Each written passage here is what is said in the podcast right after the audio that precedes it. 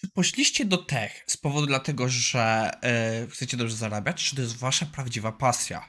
Moją prawdziwą pasją jest dobrze zarabiać.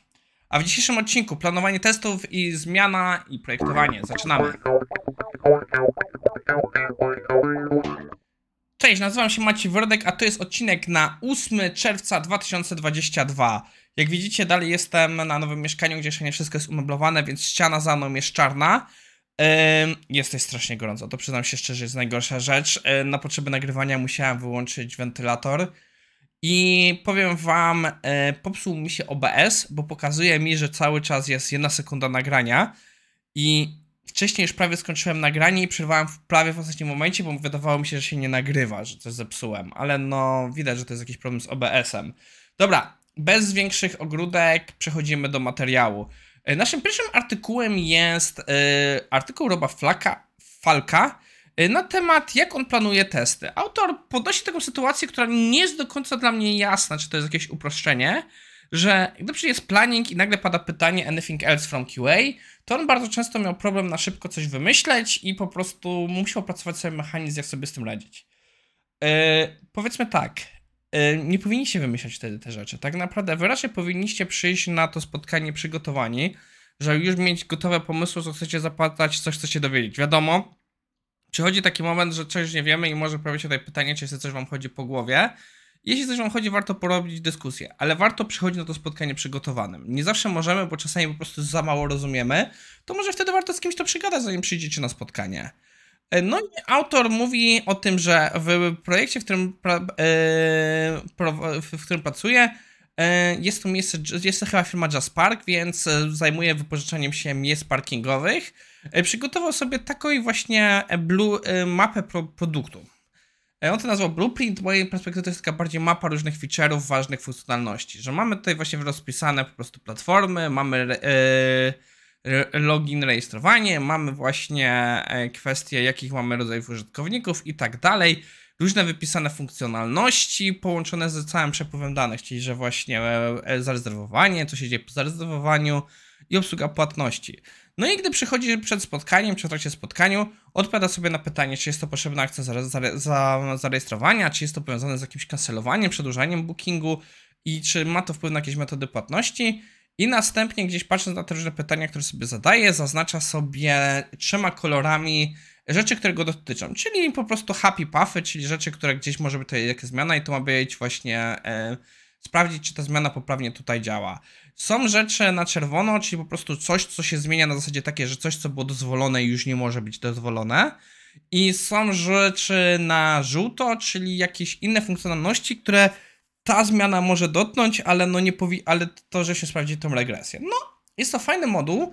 Ja osobiście dalej preferuję risk-based testing, ale jeśli chodzi o jakieś planowanie właśnie takie długoterminowe, to może być ciekawym pomysłem, żeby przyjrzeć się planowaniu długoterminowemu. W sensie takie patrzenie z perspektywy, e, co musimy, czego jeszcze nie wiemy, tak żeby raz na czas zrobić coś innego, by zobaczyć, czy nasza metoda nie jest dziurawa. To może być ciekawa właśnie taka alternatywa, że ja sobie zapisuję ten artykuł jako coś do przeanalizowania gdzieś w przeszłości, jak będę robił jakieś kolejne zmiany.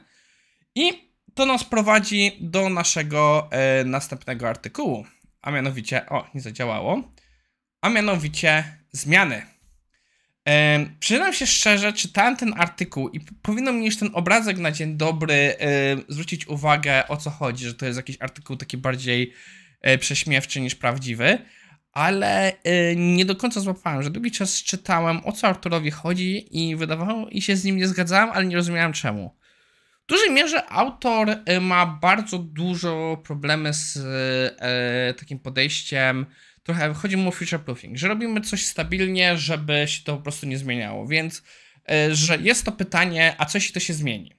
I autor bardzo ostro tu się naśmiewa z tego pytania, że tak naprawdę w momencie, jak już to pytanie padło, jak to autor stwierdza, to tak naprawdę decyzja jest wygrana, bo tak naprawdę nie ma co tutaj w ogóle dyskutować, że tak naprawdę w samym momencie, gdy zadaliśmy to pytanie, wygraliśmy. I autor podaje to takie trochę. E, em, właśnie ma takie rzecz, która mnie zastanawiała i właśnie z perspektywy śm- śmieszkowania jest całkiem dobra, że właśnie najważniejszym rzeczą, jeśli chodzi o pytanie,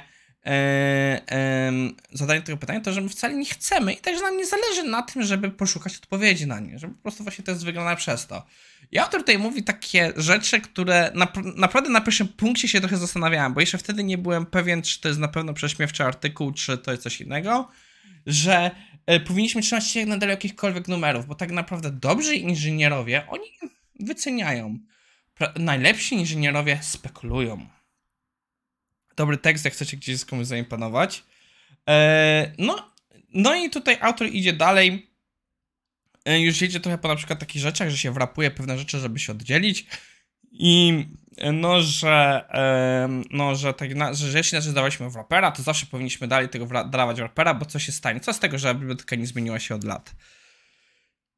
Nie do końca się z nim zgadzam. W sensie uważam, że te wnioski powinny być po, poruszone, ale nawet biblioteki, które się nie zmieniają od lat, potrafią się zmienić. Przykład mieliśmy ostatnio te parę lat temu Fakera, co gościu wywalił swoją rzecz i przez to nagle, że był on mocno, bardzo często jesteśmy mocno zaimplementowani w naszej solucji, to, to może się to zrobić. Bardzo mi się podobało, jak e, wujek Bob o tym mówił, że em, tak naprawdę, mm, jeśli chodzi o czystą architekturę, jak to jest, że wszystkie te biblioteki zależne wymagają, żebyśmy my nadbudowali się dookoła nich, ale one w żaden sposób nie są zależne od nas, że nasze zmiany w żaden sposób nie wpływają na te biblioteki, a każda zmiana tych bibliotek wszystko nas wysypie. No, ja obecnie to trochę widzę z Cypressem, że dziesiątka weszła, więc jest to taki dość otwarty temat. Niestety, przez to, że zegar się zepsuł, nie wiem, czy już nie przekroczam czasu, dlatego przechodzimy do podsumowania. E, A więc w dzisiejszym odcinku porozmawialiśmy sobie o dość ciekawym sposobem planowania testów i później trochę podyskutowaliśmy o zmianach i o tym, jak gościu właśnie wyśmiewa się, e, wyśmiewa strach przed zmianami. Wiadomo, e, trzeba czasami sobie zwrócić uwagę, ale to jest wszystko balans zysków i strat. W którym momencie nam się to opłaca, w którym nam się to nie opłaca.